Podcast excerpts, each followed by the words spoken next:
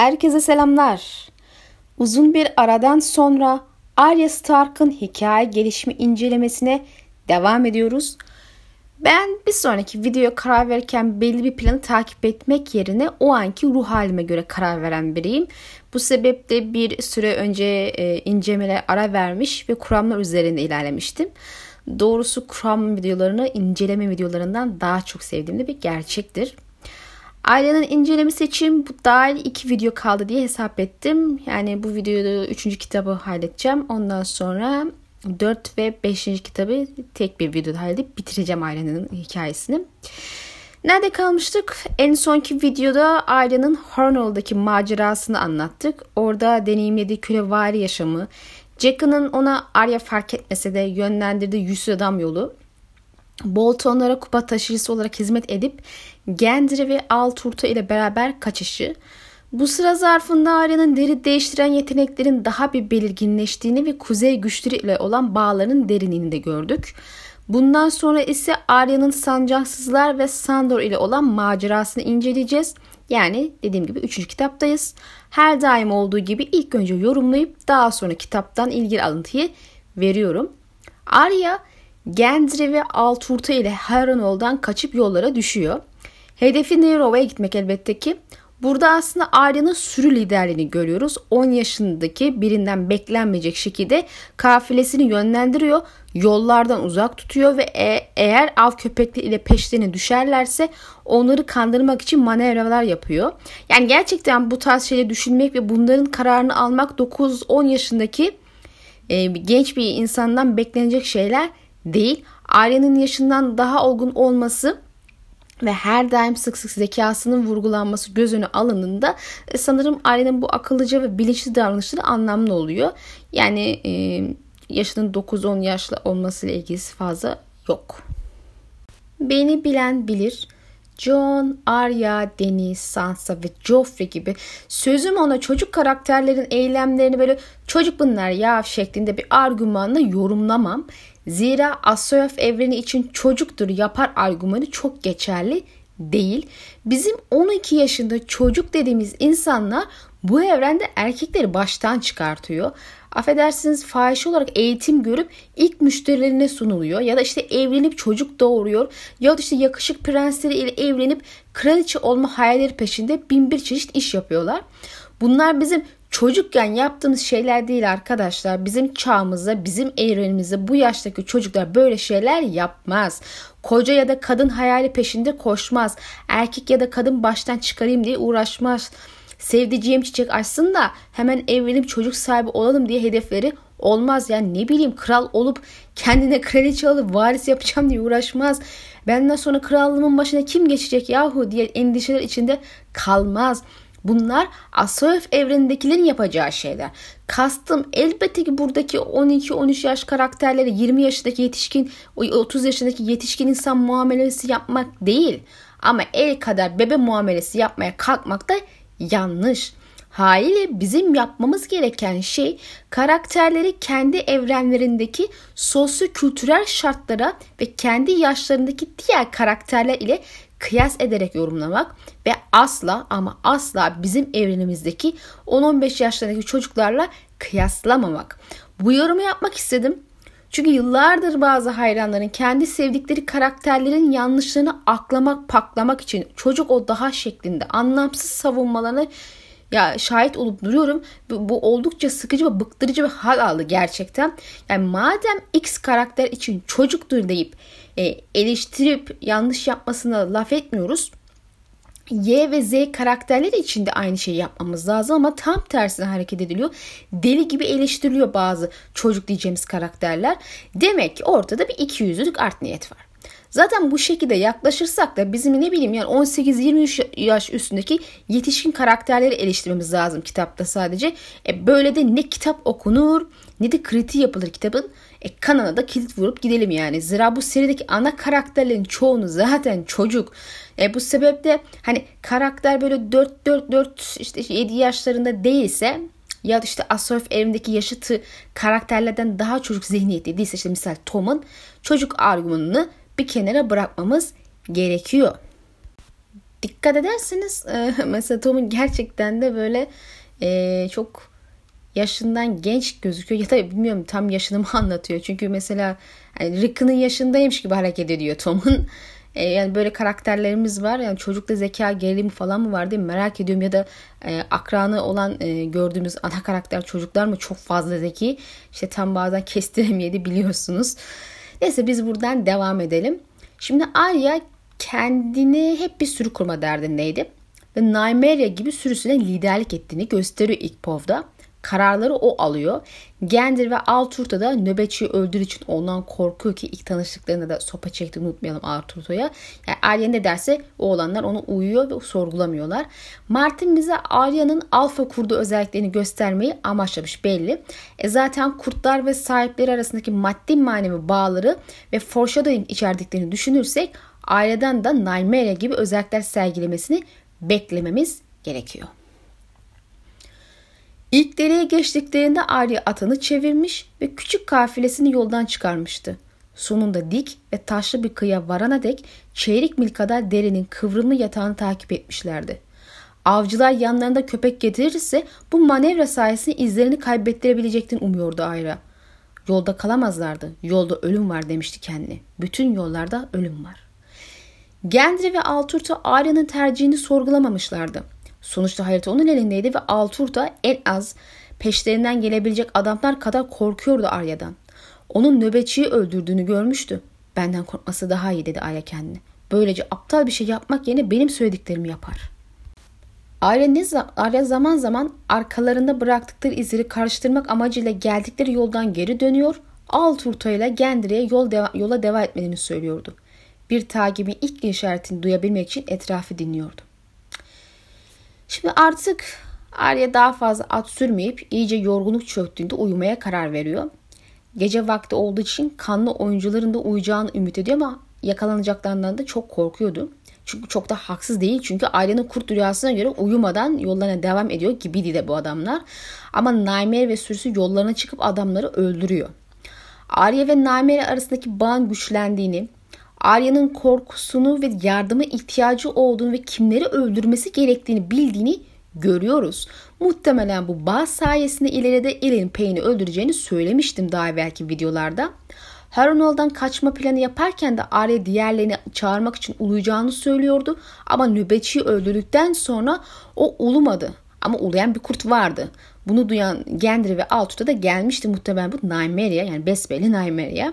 Arya'nın sürekli zihni içinde olan biteni görüp biliyor ve onu korumak için belli bir mesafeden takip ediyor gözüküyor. Martin neden iki kurdu birleştirmiyor dersiniz? Yani sonuçta Arya nehir topraklarına adım attığı andan beri birbirlerine yakınlar. Muhtemelen Mart için daha vakit gelmedi. Arya İleride Bravos için yola çıkacak ve doğal olarak bir araya geldiği kurdu ile tekrar ayrılması hem hikaye açısından hem de iki karakterin bağ açısından çok doğru değil. Hatta bir ihtimal Arya'nın gitmesine engel bir bağ bile olabilirdi Nymeria. Çünkü Arya bir kere kavuştuktan sonra kurdunu bir daha bırakmak istemeyecektir. Devam edelim. Ayra daha önce kurtları gördüğü için oyuncuların gerçekten yakınlarında olduğunu çıkarabiliriz. Tüm bunlar olurken ve öncesinde Arya tayfası yolculuktayken sürekli yağmur yağmasının bir manası var mı ben çok emin değilim. Ama dikkatimi çekmişti. Harrenhal'dan kaçmaya karar verdiği an, yani büvet ağacının yaptığı dua sonrası yani, kaçma girişimi başladığında yağmur yağıyor. Aslında mantıklı düşünürsek yağmur köpeklerin koku duyusunu köreltir. İzleri çamur yaparak yok eder. E belki de yavaş yavaş ilerlemene rağmen Arya'yı hızlıca bulamama sebepleri budur. Besbelki kuzey güçleri yardım ediyor. Yani aslında Martin yardım ediyor. Yani Arya'nın yanındaymış gibi şu fısıltıyla onunla konuşma işini bu son doğada da görmüştük zaten. Bir önceki videoda anlattım. Rüyaları kırmızı ve vahşiydi. Oyuncular rüyasındaydı. En az dördü. Solgun tenli bir Lizlı, ipten gelen zalim bir baltacı, İkko denen Dotraklı bir at efendisi ve adını hiç öğrenemediği doğru bir adam. Paslanmış zırhların ve ıslak derilerin içinde yağmurdan çıkarak peş peşe geldiler. Eğerlerine asılmış kılıçlar ve baltalar tıngırdıyordu. Arya'yı avladıklarını düşünüyorlardı. Arya rüyaların tuhaf ve keskin sarayetiyle biliyordu bunu. Fakat yanılıyorlardı. Arya onları avlıyordu. Bundan sonra ikinci povda Arya ve oğlanlar sancaksızlarla karşılaşıyor. Yaycı, Tam, Mel, Tom ve Lim. Yani sevdiğim düştü yani. Benim Arya ilgili sevdiğim yönlerden biri gene burada kendini gösteriyor. Kızın gözü açık, hızlı öğreniyor ve gerçekten akıllı derken boşa demiyorum. Yaycı, Tom ve Lim oldukça arkadaşça ve güleç davranıyor. Biz aslında onların insanlar olduğunu elbette ki biliyoruz ama Arya tedbirli davranmak istiyor. Çünkü arkadaşça davranan herkes arkadaşın değildir diyor. Yani keşke bunu net ve sansa da öğrenseydi. Bu arada kitaplarda vurgusu yapılmadı başka karakterler tarafından ama bence Arya John gibi kimseye güven duymayan bir yapıya sahip. Kolay kolay kimseye güvenemiyor. Gerçi yaşadıkları düşünürse bu çok doğaldır. Siz olsanız siz de güvenmezsiniz. Gerçi ahmaklık edip güvenen karakterler hala var kitaplarda yaşadıklarına rağmen ama neyse. Sıcak bir kap yemek düşüncesi Arya'nın midesini guruldatmıştı ama Tom denen bu adama güvenmiyordu. Sana arkadaşça davranan herkes gerçekten arkadaşın değildi. Sancaksızlar bizimkini bir hana götürüyor. Hani böyle sık sık karşımıza çıkan bir hanlardan biri. Buradaki hancı ve kocası daha evvelden Jamie ve Branny'i soymak için bu üçüyle anlaşmıştı. Birlikte çalışıyorlar zaten yani sancaksızlarla. Jamie ve Brienne elbette tuzak olduğunu anlamış ve başka yönden gitmişlerdi. Buradaki sahnede planın ayrıntısını gördük. Eğer tuzağa düşseler de olabilecek diye düşünebiliyor musunuz? Jamie Lannister sancaksızın eline düşecekti ve muhtemelen sonu dar ağacına bitecekti. Tabi sahne biterken Arya Harwin'e tekrar bir araya gelir ve doğal olarak ailenin kimliği de ortaya çıkar. O artık sancaksızlar için fidye karşılığında satılacak bir rehinedir. Arya Lem'in çelik ellerinden kurtulmaya çalışırken kendini öne attı. Benim diye bağırdı. Harvin benim beni tanımadın mı? Gözleri yaşla doldu ve kendini bebek gibi ağlarken buldu Arya. Aptal bir kız çocuğu gibi ağlarken Harvin benim. Harvin'in gözleri kocaman öldü. Oldu. Tanrılar merhamet edin dedi boğuk bir sesi. Arya ayak altı. Lim onu bırak. Burnumu kırdı. Lim Arya'yı bir çuval gibi yere bıraktı. Yedi cehennem bu kız da kim oluyor? Elin kızı Harvin Arya'nın önünde diz çöktü. Kış yarını Arya Stark'ı. Arya'nın Harvin'i görünce ağlayama başlaması kalp sızlatıcı bir şey aslında. Oğlan aileden sayılır. Doğdu doğalı Arya onu tanıyor. Kış yarından biri. Yani ona ailesini ve evini, evini anımsatan biri. Arya sürekli güçlü kalmak için uğraştı. Bu tüm yaşadıkları karşısında yapabileceği başka bir şey yoktu zaten. Yoksa ölür giderdi kız. Ama ailesinden sayabileceği biriyle karşılaşınca kendini koyuverdi gitti. Muhtemelen John ve Arya buluşmasında çok daha fazla gözyaşı dökeceğiz. Yani hem biz dökeceğiz hem onlar dökecek gibi. En azından ben dökebilirim yani sizi bilmiyorum da. Dizide maalesef tadını alamadığım sahnelerden biriydi bu. Arya Harvey'nin ağzından sancaksızların doğuşunu dinler ve kendilerine katılan insanlardan bahsederken köpekleri de sayar. E, Arya elbette köpekler diye meraklanır. Harvin de en zalim köpekler bizlerden birinde der. Arya'da aslan öldüren zalim bir köpeği olmasını diler ve bir köpeğin aslan öldürüp öldüremeyeceğine meraklanır. Şimdi elbette ki sizin de aklınıza bizim köpeğimiz Sandor gelmiştir eminim. Güzel ve çirkindeki çirkin yani daha doğrusu İngilizcedik ifadeyle canavar olan abimiz zalim bir adamdır Sandor ve bir köpektir. Köpek ve kurttan köpek ve kurtların kuzen olduklarını unutmamak lazım zaten. O yüzden hani Sandor'un e, Stark kızlarına falan yakın olması bence çok da şaşırtıcı değil. kan çekiyor herhalde. Şimdi Harvin kendilerine katılanları sayarken onca insandan bahsedip sonunda köpek demesi uyumsuz görünen bir durum. Şimdi ne alaka köpek? Köpekler ulvi bir amaç uğruna savaşınıza karar verip size katılıp parçası mı olmak istedi yani diye sorarım. Elbette böyle bir şey olamaz. Hem de köpeğin zalim olduğunu vurgu var. Belli ki Martin burada bir foreshadowing koymuş. Sandor'un Stark'lara katılması, Lannister'lara karşı savaşacak olması ve aslan öldüreceğine dair. E, aslanları onlara hizmet eden ki zalim köpekten daha iyi kim bilebilir. Benim asıl merak ettiğim belirli bir aslanı mı öldürecek yoksa onların adamlarını mı öldürecek? Dişe dokunur yegane aslanlar Cersei, Jaime ve Tyrion. Ben hep Jamie ve Cersei'nin beraber öleceğini düşündüm. İkisi için tekrar eden şu birlikte doğduk birlikte öleceğiz cümlesinin onlar için foreshadowing tekrar cümlesi olabileceğini düşünüyorum. Yani hemen hemen birçok karakterde vardı ya. Peki Tyrion bu ilginç olurdu. Sansa ile evlendi diye bayağı sinirlenmişti ve şu suyu ateşe verme olayı yüzünden de ona ayrıca öfkelenmişti. Üstüne bir de deneyle geldiğinde onun tarafında yaptıklarını görünce iyice kıl kapatabilir. Çünkü biliyorsun Sandor ateşten nefret ediyor. E, Daenerys de bir Dracarys Dracarys diye gezip duracaktır yani. Aslında seri sonunda Tyrion'un ölebilme ihtimali üstünde duruyorum ciddi ciddi. Onun için de sık sık tekrar eden dilim yüzünden öleceğim, dilimi kesecekler tarzı bir sürü cümle var. Hatta Tywin bile söylemişti bir kere bunu. E yine de Sandor'un durumu daha çok aslanların adamlarına karşı savaşması şeklinde olması daha olası gibi gelse de çok emin olamıyorum elbette ki. Köpekler demişti Arya. Evet hayvanı sırıtmıştı. Görebileceğin en zalim köpekler bizim delikanlılardan birinde. Zalim bir köpeğim olsun isterdim demişti Arya özlem dolu bir sesle. Aslan öldüren bir köpek. Bir zamanlar bir ulu kurdu vardı Nymeria ama Arya kraliçenin onu öldürmesine engel olmak için hayvana taş atmış ve kaçmasını sağlamıştı. Bir köpek bir aslan öldürebilir mi diye merak etti. Şimdi hoşuma giden alıntılardan biri Arya'nın dikkatinizi çekerim çocuk değil genç zihnine rağmen düşünebildiği, akledebildiği bir gerçek. Arya diyarın kral için bir kız kardeşten önce gelmesi gerektiğini düşünüyor. Yani Arya ilk önce halk, ilk önce insanlar diyor. Bir kral için ilk gelen ailesi veya sevdikleri değil hükmettiği ve ona inanan, güvenen, tebaası olması gerektiğini söylüyor. Yani bu tek cümle tüm bunları ve fazlasını içine sığıyor yani. Dediğim gibi aile için sık sık zeki olduğu söylenir ve babasını e, Rob'u eğitirken dinlemiş olmasında faydasını gördüğü kesin. Ket'in yapmaması gerektiği halde Jamie'yi kızlar için serbest bıraktığı düşünülürse Arya'nın olgunluğu takdir edilisi bir şey bence. Arya bu kadının doğru olduğunu biliyordu. Şövalyeler her zaman fide için kaçırılırdı bazen de kadınlar. Ama ya Rob fideyi ödemezse? Arya ünlü bir şövalye değildi ve Diyar bir kral için kız kardeşinden önce gelmeliydi. Ya Arya'nın Lady annesi? O ne söyleyecekti? Yaptığı onca şeyden sonra Arya'yı hala isteyecek miydi? Arya dudağını ısırıp merak etti. Arya Yüce Yürek hayaletini görüyor ilk defa ve Balon'un ve Cat'in ölümü ile ilgili bazı kehanetlerden bahsediyor. Onlardan buradan bahsetmeyeceğim. Çünkü biliyorsunuz ki kehanetlerle ilgili bir serim var. Vakti geldiğinde orada bahsini geçiririm.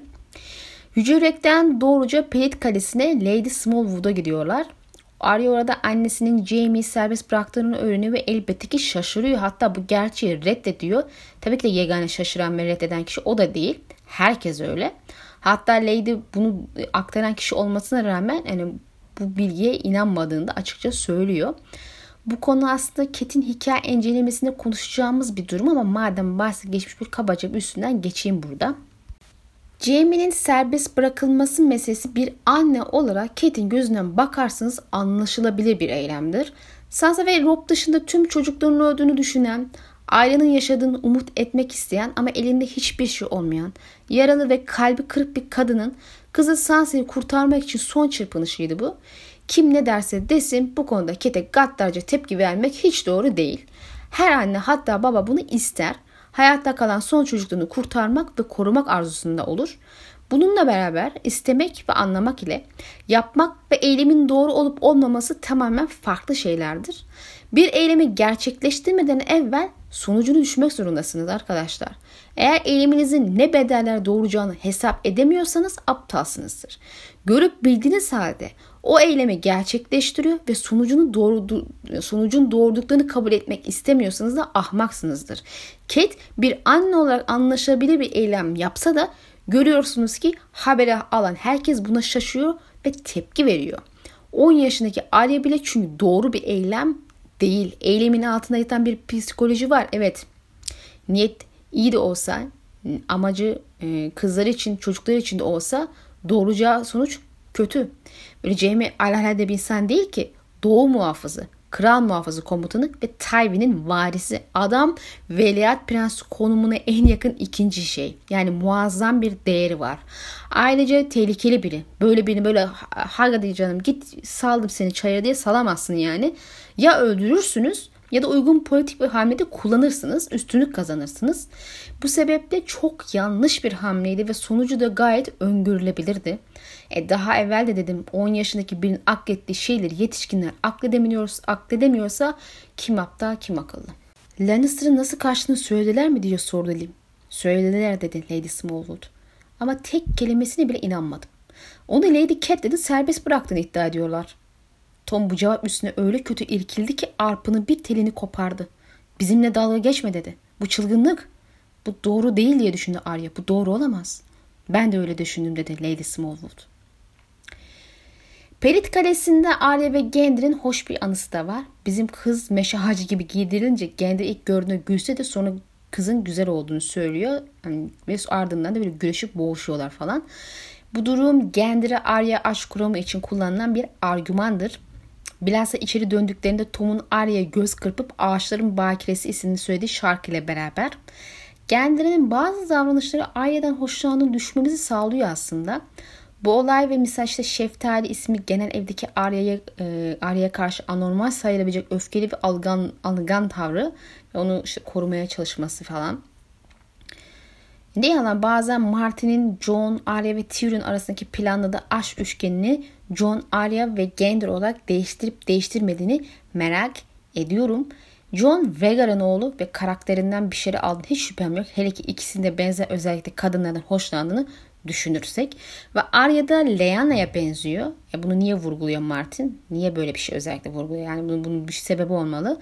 E Gendry de babasının gençliğe benziyor. E tarihin bazı yönlerden tekrar etmesi ilginç olurdu. İki kuzen de evvelde olduğu gibi aynı kıza aşık olur ve bir mücadele başlar. Malum John ve Gendry bilmem kaçıncı dereceden de kuzen oluyorlardı.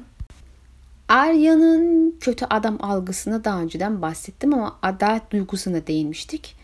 E, yol boyunca sancaksız kardeşin eşliğinde uğradığı e, yerlerde kuzeli adamların yaptığı şeyler Arya'yı utandırıyor. Hayal kırıklığına uğratıyor. Sonuçta Kuzeyliler iyi Lannister'ın adamları kötüydü ama acı acı işin özünde iki tarafta da iyi kötü olduğunu öğrenmeye başlıyor gibi kendi insanlarında halka zarar verdiğini, çaldığını, tecavüz edip yakıp yıktığını görmek onda şok etkisi yarattı ve öfkelendirdi. Ve daha önce de söylemiş olmam lazım zaten. Yani ailenin bu nehir topraklarındaki yolculuğu savaşın e, halk üzerindeki etkisini de Arya'ya gösteriyor. Arya adamların pislik içindeki saçlarına, karma karışık sakallarına, kırmızı gözlerine ve kuru çatlak kanayan dudaklarına baktı. Kurtlar diye düşündü tekrar benim gibi. Onun sürüsü bu muydu? Bunlar nasıl Rob'un adamları olabilir? Onlara vurmak istedi. Onların canını yakmak istedi. Ağlamak istedi. Herkes ona bakıyordu sanki. Canlılar ve ölüler aynı şekilde. Yaşlı adam demir çubukların arasında üç parmağını uzattı. Su dedi. Su. Yine de tüm öfkesine rağmen Arya'nın bu kuzeli adamların içler acısı haline ve merhamet dilenmesine karşı şefkati kabarıyor. Doğrusunu bunu kuzeyler oldukları için mi yoksa kötü şeyler yapmış olsa da acı çekip merhamet dilendikleri için mi yaptığından çok da emin değilim. Fakat sancaksızların kalanı da Arya ile aynı fikirde. Onların bu şekilde e, kafeslere kapatılıp işte yavaş yavaş acı içinde ölüme terk edilmesinden hoşlanmıyorlar. Bu yüzden yağcı hepsini oklarıyla hızlı bölüm veriyor. Parmakların arası kupanın geçemeyeceği kadar dardı fakat Harvey ve Gender Arya'ya destek verdi. Arya Harvey'nin ellerine basıp Gender'in omuzuna çıktı ve kafesin tepesindeki parmaklıkları yakaladı. Şişman adam yüzünü yukarı çevirip yanağını demire bastırdı ve Arya suyu adamın üstüne döktü. Adam iştahla suyunu kafasından, yanaklarından ve ellerinden akmasına izin verdi. Daha sonra parmaklık, parmaklıklardaki ıslaklığı yaladı. Geri çekmese Arya'nın parmaklarını da yalardı. Arya diğer iki adama da aynı hizmeti verirken insanlar onu izlemek için toplanmıştı. Çılgın avcı buna duyacak diye tehdit etti adam. Bundan hoşlanmayacak. Hayır, hoşlanmayacak. Arya'nın sancaksızlarla birlikte şeftali ismi genel eve gittiği sahneye geçiyoruz. Burada Robert'ın Çanlar Savaşı sırasında saklandığı dönemde arkasını bıraktığı Belle isimli piç kızıyla tanıştık bir ara Gender Arya'ya kızınca belki kızın çanlarını çaldırın falan deyip gitmişti. Yani umarım öyle bir şey olmamıştır. İkinci bir Lannister kardeşi vakasına katlanamayız çünkü. Burada benim bilhassa laf sokmak istediğim bir olay var. Bell, Robert'ın savaş sırasında Şeftali'deki tüm kadınlarla yattığını söylüyordu. Onu öyle anlatmışlar yani. Rhaegar ve Lyanna meselesi konuşulurken hep bu ikisi Elia sebebi yüzünden tabii ki eleştiri doğal olarak. Ve bilhassa Lyanna'nın Robert için söylediği tek yatak ona yetmez sözünde işte Baratheon severlerin Robert'ı savunması e, güdüsü hep böyle bir de, depreşir. E, genel olarak sadık kalacağını ve onu sevdiğini falan söylemişlerdi hep bana. Ama Çanlar Savaşı vakası bunun tam tersini kanıtlar niteliktedir. sevdiğini iddia ettiği nişanlısının kaçırıldığı ve defalarca tecavüze uğradığına inanan birinin savaşın ortasında saklanırken genel evdeki tüm kadınları sıradan geçirecek kadar keyfinin yerinde olması ve o an Leanna'nın aklına gelmemesi falan benden Robert'ın sadece Cersei yaptık için değil ki Rhaegar'a suçladığı şey yapması ayrı bir ironidir. Aynı zamanda Lyana'ya haklı çıkaracak şekilde davranması sefi bir insan imajını iyice pekiştiriyor. Bu herifin savunulacak bir yanı yok bu yönlerden. Rica ederim yani savunmayın. Yani sevmek isteyen sevebilir. Neyini seviyorsunuz demem. Her karakter kusurlu ve yanlışları, günahları var. Ama savunmayın bu yanlışları ya da hafifletmeye çalışmayın lütfen. Devam edelim. Şeftali ve tatlı kavramları genelde birlikte kullanılır ve ölüm ifade eder.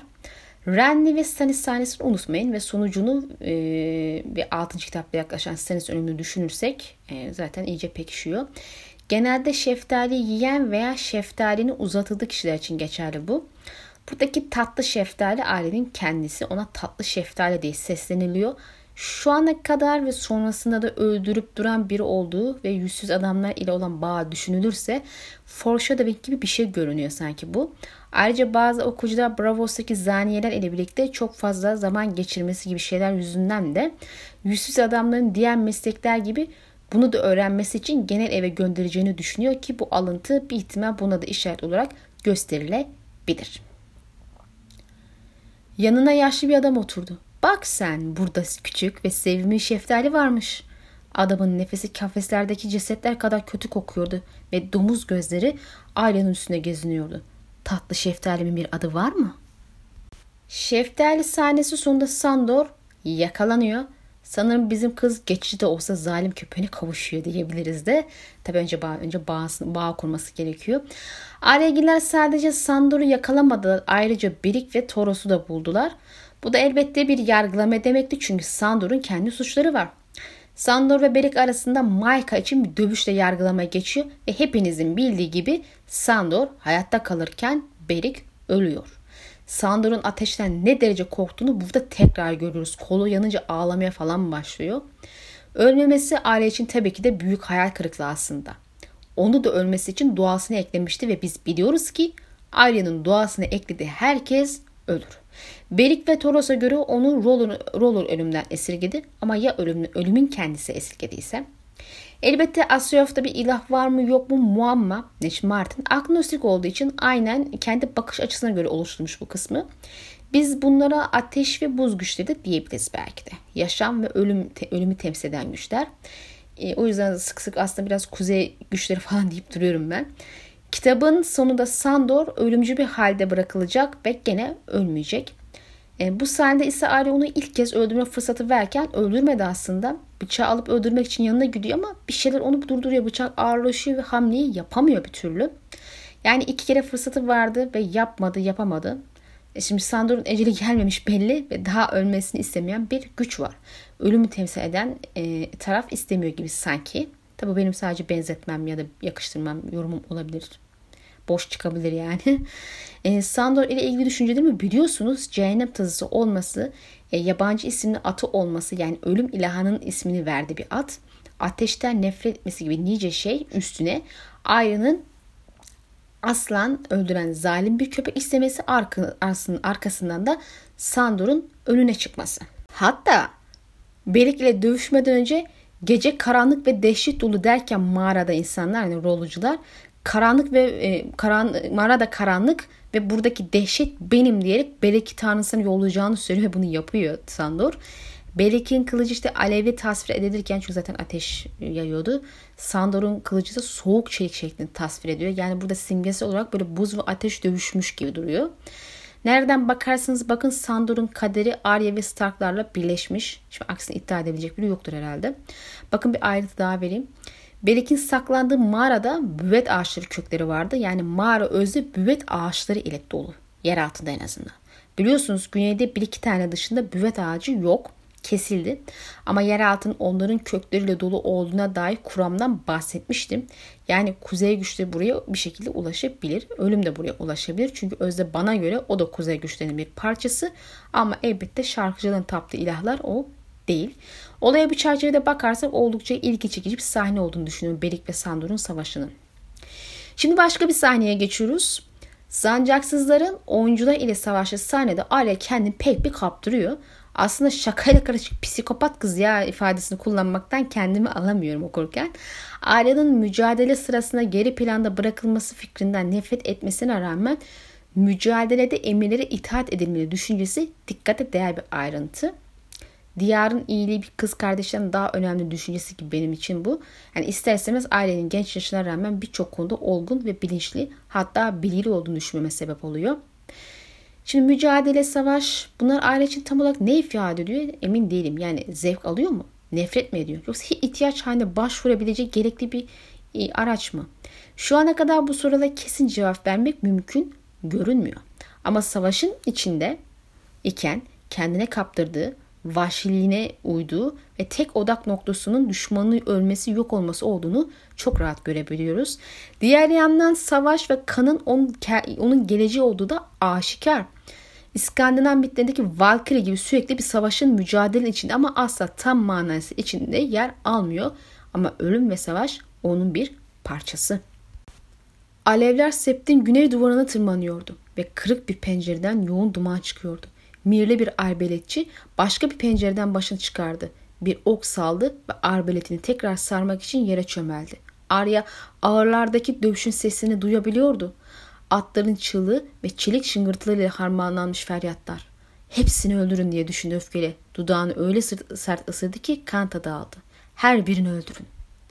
Arya Berik ile fidye meselesini konuşurken bir an Rob'un onun için fidye verip vermeyeceğini sorguluyor. Çünkü saçları böyle karman çorman, ayakları nasıl ve tırnakları leş gibiymiş. Oldukça saçma aslında değil mi? Bu tarz sahneler bize Arya'nın aslında bir yandan da 10 yaşında olduğunu hatırlatıyor. Yine de bu ayrıntı çok önemli sayılmaz benim için. Çünkü bunlar Arya'nın içinde e, Arya'nın içine sokulmak istenilen ve tüm bu hayatı boyunca ağır şekilde eleştirilmesine sebep olan noktalar. Yani öyle yer edilmiş ki onun kişiliğinde, karakterinde, hikayesinde böyle olmadığı için kendini çirkin olduğunu düşünür hale gelmiş. E zaten Sansa ve arkadaşlarının zaman zaman zorbaca isimler takıp at sesleri falan çıkardığını biliyoruz kıza karşı. Elbette içinden de muhtemelen Rob bunları umursamaz diye geçiriyor ama annesinin umursayaca, umursayacağını düşünerek onu sürekli Sansa kıyasladığını, Sansa kıyasladığını düşün, görüyoruz. Ve kız anında böyle geriliyor falan böyle saçlarını düzeltmeye çalışıyor. Bu ağır eleştirileri çok içselleştirmiş bizim çirkin ördek yavrusu. Yani bir çocuğu yetişirken kimse ile kıyas etmemeyi ve eleştirmemeyi özen göstermeniz gerekiyor. Yoksa o minik yaşlarda itibaren böyle travmatik bir yara olarak içinde kalıyor insanın. Arya'nın başına gelen de bu. Cat kızını olduğu gibi kavrulansaydı baş, en başta Arya için daha hayır olurdu bence. Ya abim benim için video demek istemezse neden böyle düşünüyorsun diye sordu Lord Beric. Şey saçlarım karma karışık, tırnaklarım leş gibi ayaklarım nasırlı dedi Arya. Rob bunu umursamazdı muhtemelen ama annesi umursardı. Lady Catelyn Arya'nın Sansa gibi olmasını istemişti her zaman. Şarkı söylemesini, dikiş dikmesini ve nezaket kurallarına dikkat etmesini. Bunları sadece düşünmek bile Arya'nın parmaklarıyla saçlarını taramaya çalışmasına sebep oldu ama saçları iyice dolanmıştı ve Arya'nın bütün yaptığı birazını yolmaktı. Tekrar okumalarda fark ettim ki Berik ve Arya konuşmasının bitişinde kırmızı düğüm ve Ket'in ölümüne işaret vardı. Annenin gözyaşları şarkısı Ket'in akıttığı kanlı gözyaşlarını ithaf, ed- ithaf, ithaf ediyor bence. Ve elbette Kastamir yağmurları da bu gözyaşı neden olan asıl failler oluyor. Toros gibi ben de sana babanı geri verecek güce sahip değilim. Ama güvenli bir şekilde annenin kollarını dövmeni sağlayabilirim en azından. Yemin eder misin diye sordu Arya. Yorun da onu eve götürmeye söz vermişti ama bunu yapmak yerine ölmüştü. Şövalye konumun üstüne dedi Yıldırım'ın orada ciddi bir şekilde. Lim bira imalathanesine döndüğünde yağmur yağıyordu. Sarı cübbesinden süzülen sular yerde birikirken adam küfürlen mırıldanıyordu. Kapının yanında oturan Anguy ve şanslı Jack zar atıyordu ama hangi oyunu oynarlarsa oynasınlar Jack'in hiç şansı yoktu. Yedi telli Tom ahşap arpının bir telini değiştirdi ve annenin gözyaşlarını söyledi. Ardından Willion'un karısı ıslakken ve Lord Harton'ın yağmur bir günde gittiği söyledi ve sonra da Casimir yağmurlarını. Yüce Yürek'e tekrar dönüyoruz. Oradaki kehanetlerden bahsetmeyeceğim. O malum bir videonun konusu zira. Yüce Yürek hayaletinin Arya'yı gördükten sonra söyledikleri ve tepkisi önemli kısım bu bizim için şu an. Gerçi bunu da kehanet serisini saklayabilirim ama burada bahsetmek istiyorum. Yaz Kalesi'ndeki keder kadının Jenny meselesidir. Buradaki bahsi geçen Arya'nın kederi muhtemelen Arya'nın e, şu ana kadar kaybettiklerinin ve kaybedeceklerini yani annesini ve abisini bunun acısı ama kalan kısmı ise Arya'nın dönüştüğü ve dönüşeceği şeye işaret. Evet Arya daha karanlık ve ölümcü bir karaktere bürünüyor ve bir ihtimal serideki en tehlikeli kişilerden biri olarak karşımıza çıkması an meselesi. Hele ki yüzsüz adam eğitimi aldığı da düşünülürse zaten savaş ve ölüm meselelerinde nasıl nasıl tepkiler verdiğini ve Valkyrie'ye benzetilmesini hatırlıyorsunuzdur. Şampiyonlar kurumunda doğru çıkarsa zaten ailenin dönüşücü ölümün Westeros şubesi meselesi kaçınılmaz gibi. Cüce kadın sönük kırmızı gözleriyle Arya'yı inceledi. Seni görüyorum diye fısıldadı. Seni görüyorum kurt çocuğu, kan çocuğu. Ölüm kokusunun Lord'dan geldiğini sanıyordum. Kadın hıçkırarak ağlamaya başladı. Minik bedeni sarsılıyordu. Benim tepeme geldiğin için zalimsin zalim. Ben yaz kalesinde kedere doydum. Senin kederine ihtiyacım yok. Buradan git kara yürek git. Yüce Yürek'in kuzey güçlerinin ateşten nefret ettiğini anlatan sözler var daha sonra. Toros bu yüzden ateşlerin içinde hiçbir şey göremez olmuştu. Kuzey güçleri izin vermediği için. Kadın öyle söylüyor. Roller'ın güçleri kuzey güçlerinin hakim olduğu yerde etkisini yitiriyor. Demek ki hayır, acaba kuzey güçleri daha mı güçlü oluyor o zaman? Zira kuzey buzdur ve buz ateşin düşmanıdır. Bu da bize buz ve ateşin savaşının sadece dizide olduğu gibi insan ve ötekiler arasında geçen bir şey olmadığına işaret aslında bana göre. Buz ve ateşin tarafındaki insanlar ve sıra dışı canlar arasında geçen bir savaş bu. E bununla beraber elbette ki kuzey güçlerin yani büyük ötekiden bağımsız olarak büvet ağaçlarını yaktığı için yakıldığı için büvet ağaçları e, ateşi sevmediğini söylüyoruz. E, söylüyor kadın. Bu sebeple her daim bu güçlerin ateşin şampiyonu olarak yorumlanmış, vaat edilmiş prensi kendi elçilerine haber edip bunu ateş tarafına haber etmesini ve böylece Aerys ve kardeşinin evlendirilmesine vesile olmasını anlam falan ben veremiyorum. Elbette bahsi geçen vaat edilmiş prens aslında Azar Ahai değilse o zaman durum başka. Bana göre prens Azar Ahai ile ilgisi falan e, yok. O, o kuzey ilahlarının şampiyonu Jon Snow. E Jon'un doğması için Rhaegar'ın doğması lazım. Rhaegar'ın doğması için de anne babasının doğması, evlenmesi lazım. Yani bu şekilde bir bağlantı kurdum. Ateşlerin içine bak pembe rahip göreceksin. Ama şimdi değil. Burada değil. Burada hiçbir şey göremezsin. Burası hala eski tanrılara ait. Onlar da benim gibi burada oyalanıyor. Küçülmüş ve halsiz kalmış ama henüz ölmemiş. Ateşi de sevmiyorlar. Çünkü meşeler pelitleri anımsar ve pelitler meşeleri düşler. Kök her ikisinin de içinde de yaşar ve kökler avuçlarında ateşle gelen ilk insanları hatırlar. Arya'nın John ile olan yakınını göze önüne seren sayısı sahneden birine geçiriyoruz. Arya hiç kimse onu istemese bile John'un onu isteyeceğinden emin. Çünkü bu güvenini bu güveni ona zamanında vermiş ve dışlanmışlar olarak birbirlerini hep desteklemişler. Onu anmak bile kalbini hüzünlendiriyor ki Bravo sahnelerinde bile artık hisleri körelmiş gibi görünmesine rağmen sadece John'u anınca gözyaşı dökmeye başladığını görüyoruz. Burada bir diğer önemli ayrıntı John'un annesinin olduğunu iddia edilen Violet'ın muhtemelen John'un da süt annesi Dawn Dane hanesiyle olan bağlantısını görüyoruz. Ned Arya'dan 1-2 yaş büyük. John ile arasında işte 3-4 yıl falan var. Vale ne zaman Dane hanesine hizmete başlamış kesin bilmek şimdilik mümkün değilse de John'un asıl, asıl annesinin Lyanna olduğu ortaya çıktığı için Violet'ın John'a süt anne olması olasılığı bence yüksek. Ve tabi olarak John doğmadan önce Dane hanesine hizmet ettiği çıkarımı yapılabilir. E bu kadının seride görme olasılığımızın yüksek olduğunu düşünüyorum. Yani en az 2-3 kere falan e, ismi geçti. Rick dışında yaşayan e, kişiler arasında bir tek bu kadın John'un kimliğine vakıf görünüyor. Elbette bir de Dane hanesinin John'un kimli o kim kim olduğunu bildiği gerçeğinde satır aralığına çıkarmak güç değil. Zaten daha önce bahsetmiştim Septe Lamora kim videosunda. Orada daha çok ayrıntıdan bahsetmiştim. Eğer izlemediyseniz izlemenizi tavsiye ederim. Leydim dedi ne sonunda. Gayrimeşru doğan bir ağabeyiniz var. Jon Snow. Sur'da gece nöbetçileriyle birlikte. Belki de Nehirova yerine Sur'a gitmeliyim. John kimi öldürdüğümü ya da saçlarımı tarayıp taramadığımı umursamaz. John bana benzer. Piç olarak doğmasına rağmen. Eskiden saçlarımı karıştırıp bana küçük kız kardeşim derdi. Arya en çok John'u özlüyordu. Ağabeyinin sadece adını söylemek bile onu hüzünlendiriyordu. John'u nereden biliyorsun? O benim süt kardeşim.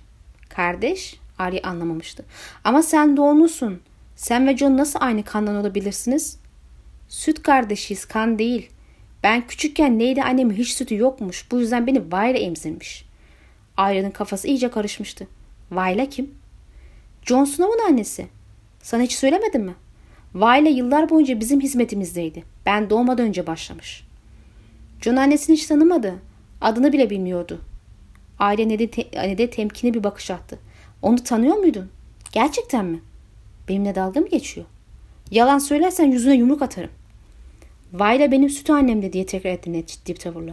Hanedanımın onur üstüne yemin ederim. Ned daha sonra halası Aşara ve Ned Stark arasındaki aşk meşk olayından bahsediyor. Arya buna e kızıyor elbette ki. Bazı kuramlar var işte Aşara'nın aslında Reed ile aşk yaşadığı ki bundan gene Lemora videosunda bahsetmiştim. Bir de işte Brandon ile aşk yaşadığına dair bir kuram var. Bunları pek itibar etmiyorum. Elbette çünkü Reed'in anlattığı hikayede aşağı hemen hemen birçok kişiyle zaten dans ediyor. Hani e, kadının dans ettiği her kişiyle aşk yaşadığını falan düşünemeyiz ama bilhassa Ned'in dans etmesine dikkat çekildiği gibi Selmi de kızın bir Stark tarafından kirletildiğinden falan bahsediyor. Yani bilerek konuşuyor belli ki. Ama en önemlisi Dane hanesi bile Aşara ve Ned'in o dönem birbirine aşık olduğunu ve Ned'in Aşara'nın kalbini kırdığını ve bu sebeple kendini öldürdüğünü söylemiş bizim Edric Dane'e. Bu kadar bariz bir hikaye doğrudan birinci kaynaktan duyduk anlayacağız. Yani en azından birinci kaynak sayılır. Yani şimdi oğlana saçma sapan bir yalan söylemenin bir manası yok herhalde. E, tüm diğer tüm diğer en en başta da Dane hanesi aşağı net aşkını biliyor ve söylüyor. Bu iş burada bitip kapanmış bence yani. Net aşağı ile belli ki bir şeyler yaşadı. Muhtemelen kızı hamile bıraktı. Yani bir çeşit bu Rob vakasına benzer bir şey oldu yani. Ama isyan çıktığında Rob'un aksine aşk yerine vazifeyi seçip Cat ile evlendi ve Aşara'nın kalbi kırıldı ve çocuğun ölümü de tuz biber oldu ve kendini öldürdü. Tabi burada bir de abisinin ölümünü de katmak lazım. Hani öncesinde mi sonrası mı tam hatırlamıyorum şimdi ölümünü ama abisi yüzünden ölmüş olabileceği de söyleniyor. Herhalde o zaman sonradan oldu. Yani işi biraz katmerleştirmiştir e, Arthur'un e, ölümü de. Yani işte sevdiğim adam abimi de öldürdü düşüncesiyle kızın psikolojisi iyice bozulmuştur kanımca. Yani belki net John'un babası değil ama o kadar da masum değildi bu meselelerde öyle gözüküyor. Ha, elbette bu olayı olanı anlatan küçük hala yani Aşara'nın kız, küçük kız kardeşi. Hani o da yalan yanlış öğrenmiş, hale yanlış aktarmış ise ben onu bilmem.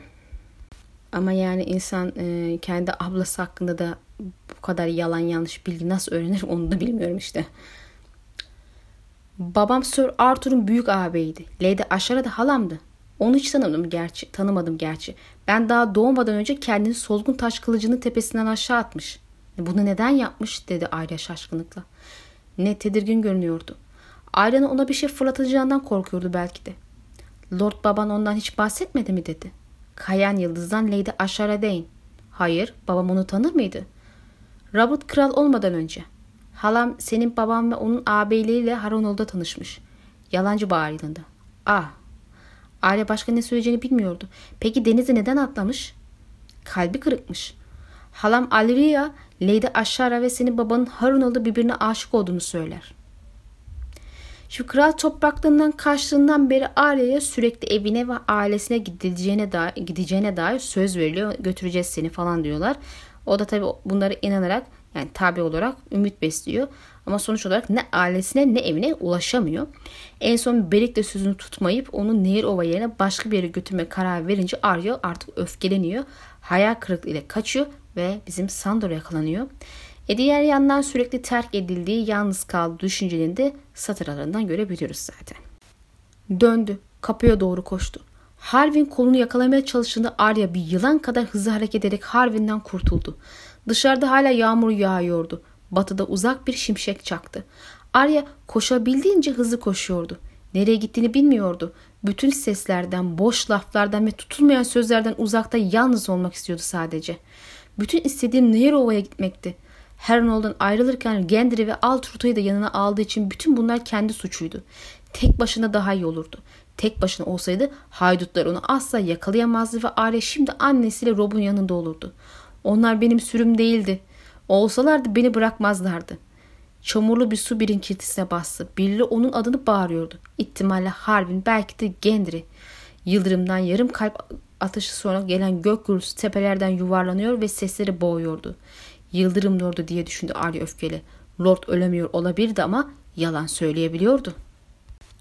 Arya, Sandor ve artık Arya, Sandor ve artık Sandor ve Arya birlikte yolculuk ediyor.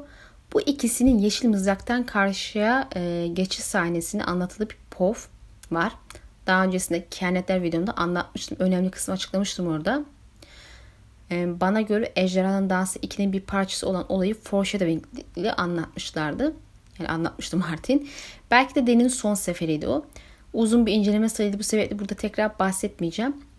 Sandor'un abisini öldürmekle ilgili bir sohbet ederken Arya'nın yüzünde ne gördüyse onu Sansi'yi öldürmeyi arzu ettiğini ifade ediyor. Elbette Arya bunu reddediyor.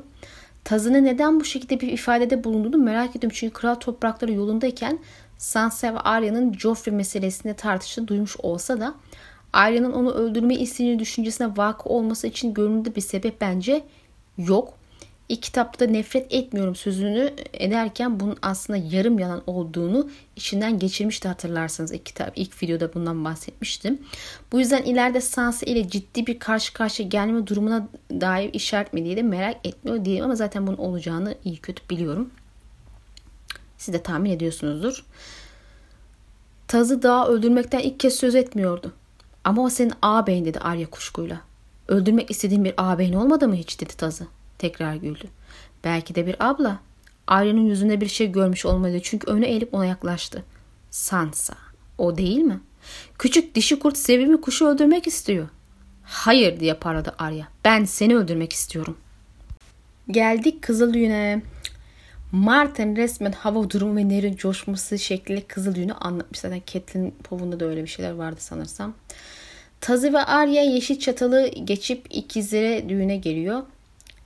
E, nehri kabarmış sonra taşıyor ve aslan gibi kükrüyor. Yağmur yağıyor ve kırmızı düğün vuku buluyor zaten. Arya ailesinin katledildiğini fark edip kurtarma umuduyla koşsa da tabii ki hiçbir şey yaramıyor. Sandor onu oradan kurtarıp çıkartıyor. Sandor'un ilk aşama ölüp ölmemesini umursamadığını söyleyip daha sonra Arya'yı kurtarmaya yeltenmesi bence hoş bir gelişim onun karakter açısından.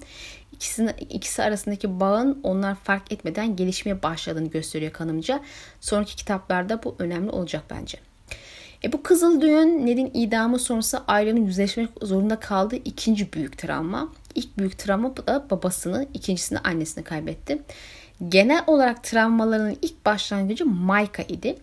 Daha her şey başlamadan evvel adeta ileride yaşayacağı zorlukları ve kayıpları haber edercesine Martin onu masum dünyasına uyandırıyor. Mayka aileden değildi ama arkadaşım dediği değer verdi biriydi. Onu korumak istedi ama yapamadı ve öldü. Daha sonra Ned'in idamına şahit olur. Onu da kurtarmak ister. Koşar ama başaramaz ve babası ölür.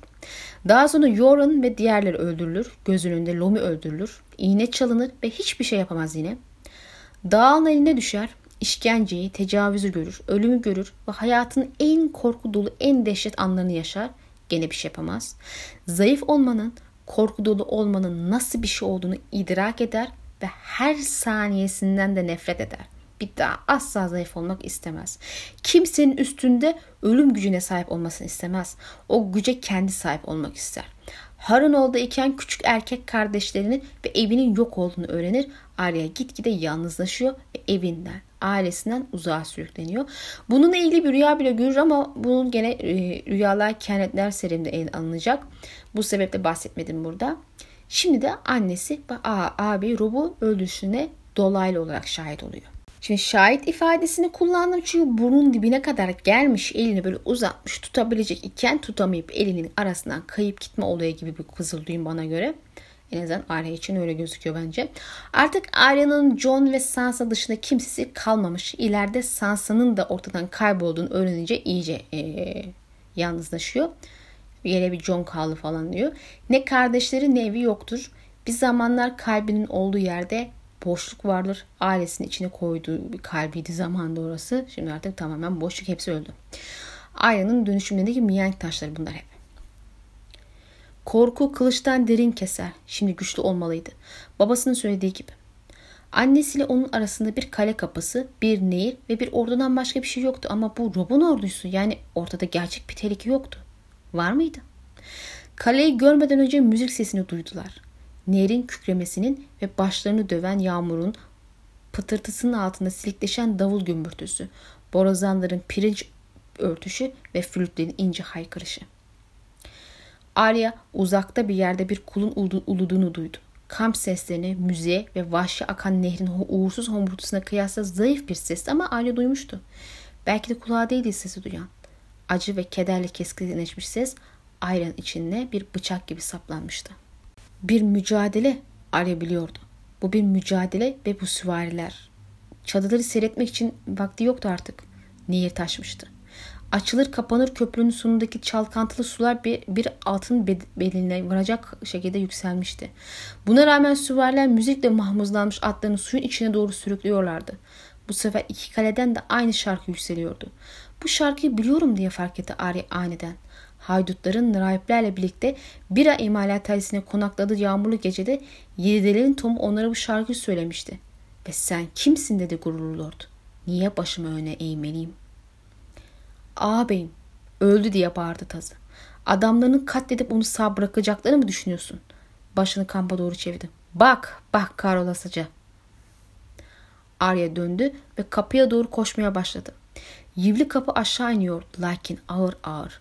Daha hızlı koşmalıyım. Çamur Arya'yı yavaşlatıyordu sonra da su. Bir kurt kadar hızlı koş. Köprü kalkmaya başlamıştı. Üstünden sicim gibi sular akıyor, büyük topraklar haline çamurlar dökülüyordu. Daha hızlı. Arya arkasına baktı. Peşinden gelen yabancıyı gördü. Hayvanın attığı her adımda havaya su damlaları saçıyordu, sıçrıyordu.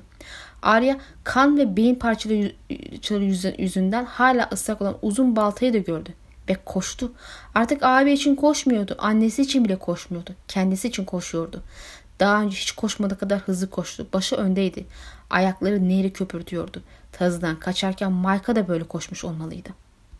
Arya dediğim gibi babasından sonra yavaş yavaş tüm ailesini kaybettiğini öğreniyor ve her defasında bir kırılma yaşıyor. Buna zaten bahsettim yani. Bunca kayıp ve acıya karşı iyi de ideal edi gibi görünse de elbette ki onun psikolojisinin bundan asla etkilenmediğini iddia edemeyiz. Aslında gayet de e, bunu kendi yavaş yavaş böyle iyice belli ediyor. Yani işte böyle öfkeli ve duygusuz ya da acımasız olmaya başladığını görüyoruz yavaş yavaş. Bir zamanlar sevdiği herkesin içinde yaşadığı kalbinde artık dediğim gibi koca bir boşluk vardır. Çünkü bütün ailesi ölmüştür. Geriye kalan ise sadece öfke, keder, acı ve intikam arzusudur. İşte bir Norse mitlerindeki öfke dolu Fenrir gibidir artık Arya. Düşmanını kabul etti. Herkesi paramparça etmeye antışmış tehlikeli bir kurt var karşımızda. Her sabah uyandığında içindeki boşluğu hissediyordu. Açlık değildi bu. Zaman zaman o da vardı gerçi. Çukur bir yerdi. Bir zamanlar kalbinin olduğu yerde bir boşluk, bir zamanlar kardeşlerinin, annesinin ve babasının yaşadığı yerde. Başı da acıyordu. İlk zamanki kadar değildi ama epey kötüydü hala. Aile buna alışmıştı gerçi. Şişlik iniyordu en azından. Ama içindeki boşluk hep aynı kalıyordu. Boşluk asla daha iyi olmayacak diyordu kendi, kendine uyumaya giderken. Bazı sabahlar uyanmayı hiç istemiyordu. Pelerinin altında kırılıyor, gözlerini sımsıkı kapatıyor ve tekrar uyumaya çalışıyordu. Keşke Taz onu da rahat bıraksaydı. Bütün gün ve bütün gece uyurdu. Arya annesinin Rob'un bir ümit yaşadığını falan umut ediyor. İşte Kaledon'u kurtarmak falan istese de Sandor buna elbette yanaşmıyor. Fidye için annesinin sağ bırakmış olabilecek ihtimalini kabul etse de e, yani oraya ben gitmem falan diyor. Daha sonra Arya kurt rüyası görüyor. Nymeria ve sürüsü nehre geliyor ve cesetleri yiyor. Ve Keti sudan bulup e, dışarı çıkartıyor. Bu rüyaya kadar Arya annesinin hala yaşıyor olabileceği konusunda ümit etmişti tabii ki ama artık kesin olarak biliyor. Artık o ölü. Yani bildiğimiz üzere Berik ve tayfası da bu sırada buralara geliyor ve Berik Kete ateş öpücüğünü verip kadını canlandırarak kendisi ölüyor. Muhtemelen Arya'ya verdiği süzgeri yaptı bunu. Uyandığında ise Sandor fikrini değiştirmiş gibi görünüyor ve dahası e, anne annesiyle ilgili meseleyi açmaya yelteniyor.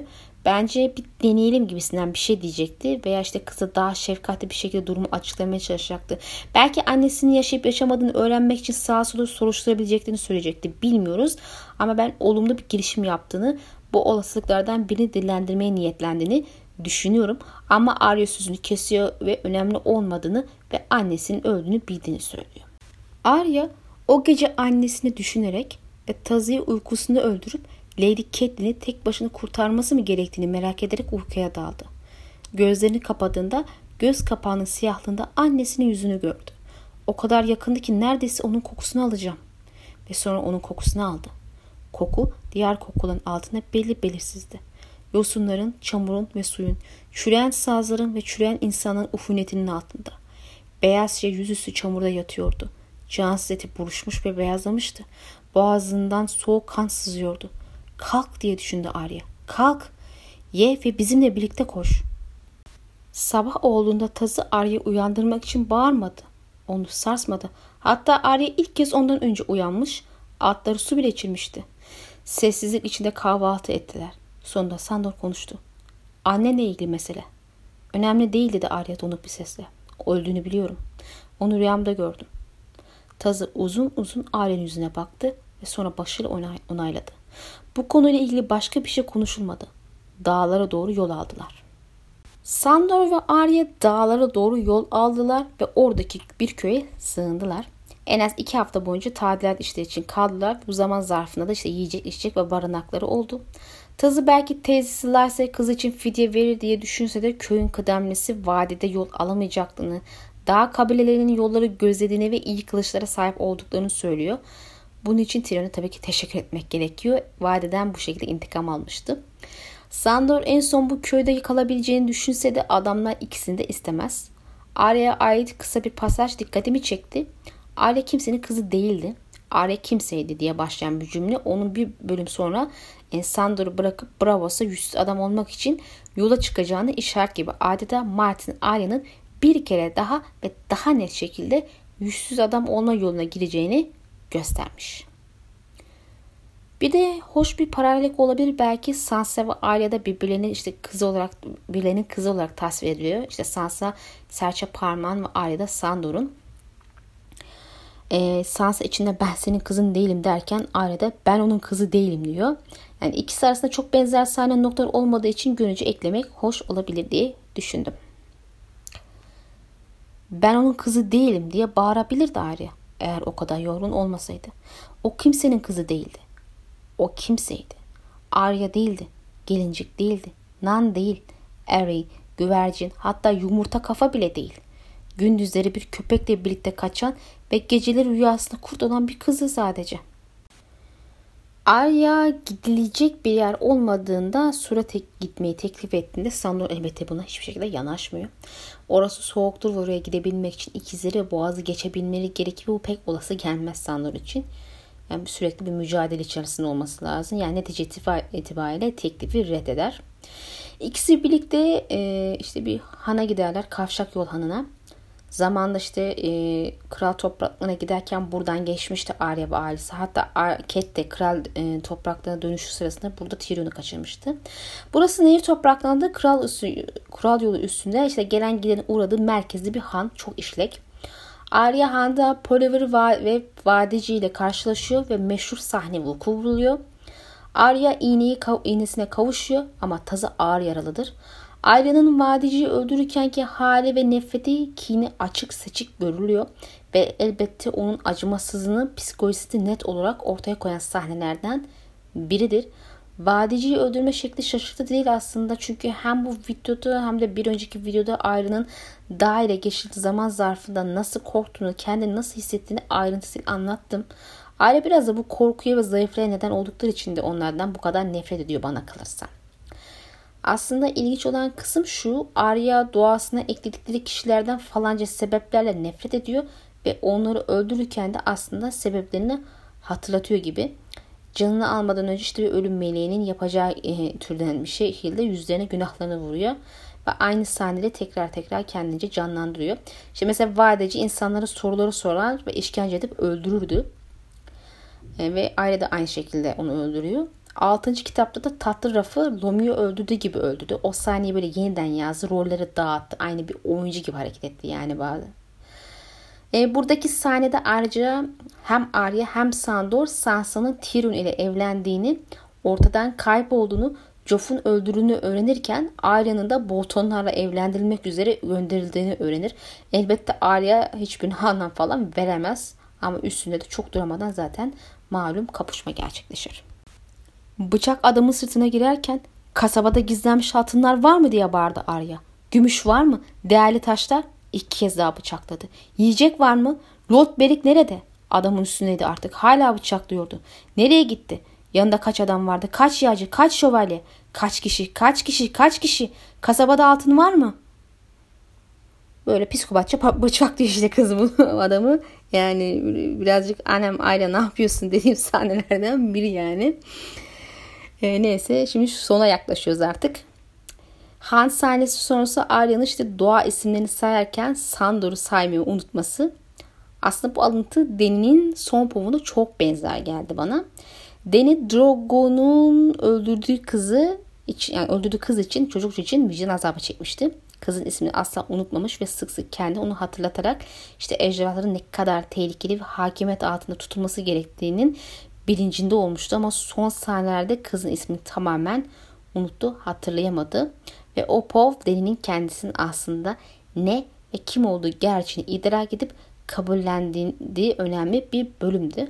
Artık ejderhasını kullanacaktı ve o kızın ve diğerlerinin ismi sonsuza kadar unutulacaktı.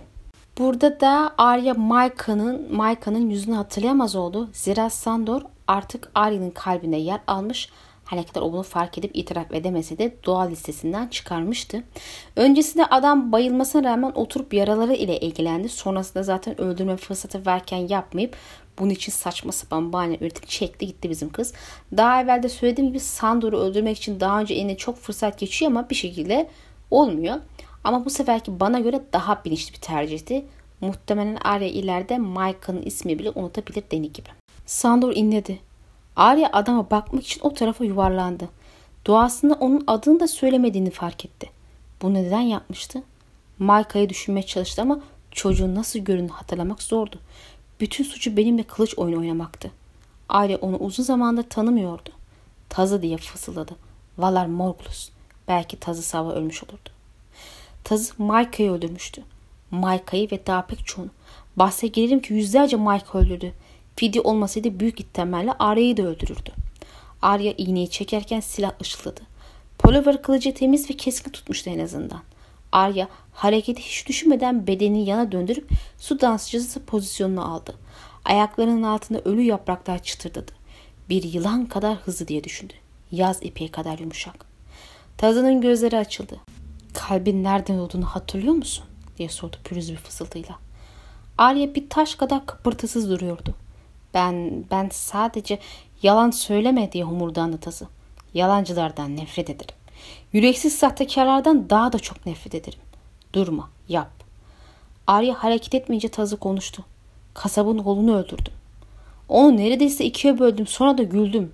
Tuhaf bir ses çıkardı. Tazın hışkırdığını fark etmek Arya'nın birkaç saniyesini aldı. Ve küçük kuş, senin tatlı ablan, beyaz pelerinimin içinde öylece durdum ve onun dövmelerine müsaade ettim.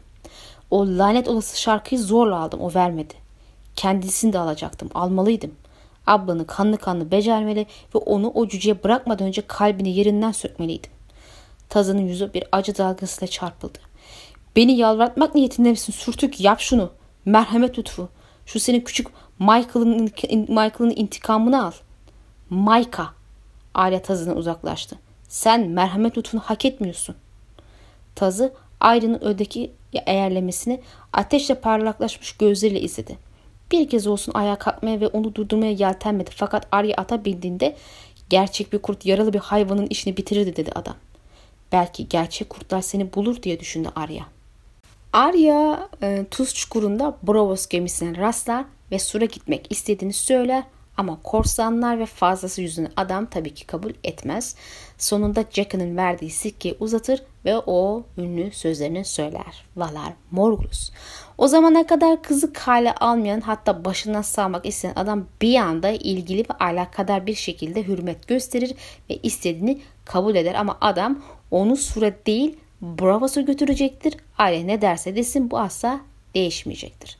Adamın fikrinin değişmesinin sebebi çok açıktır ki Demir Sikki sadece yüzsüz adamların kullandığı ve belli bir şey satın almaktan ziyade kim olduklarının işaretini veren bir çeşit parola olsa gerek bu.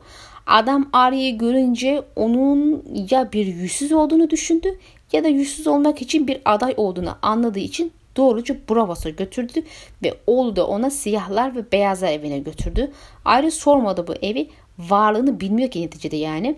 Belli ki gitmesi gereken yerin orası olduğunu söylemişler ama elbette ki Arya'nın Bravos macerasını bir sonraki Arya videosunda konuşacağız. Şimdilik e, son alıntılarımızı verelim. Kuzeye gitmek istiyorum Sura. İşte ücretini ödeyebilirim.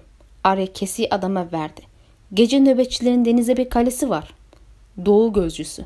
Kaptan kesideki gümüşleri avucuna döktü ve kaşlarını çattı. Hepsi bu mu? Yeterli değil. Arya daha söylenmeden biliyordu bunu. Adamın yüzüne göre biliyordu. Bir kameraya ya da başka bir şey ihtiyacım yok. Aşağıda ambarda uyuyabilirim ya da onu kamera kızı olarak al dedi oradan geçen bir denizci. Benimle uyuyabilir. Diline dikkat et diye parladı kaptan. Çalışabilirim dedi Arya. Güverteyi fırçalayabilirim. Bir zamanlar bir kalenin merdivenlerini fırçalıyordum yahut kürek çekebilirim. Hayır dedi kaptan. Yapamazsın. Arya'nın sikkelerini geri verdi.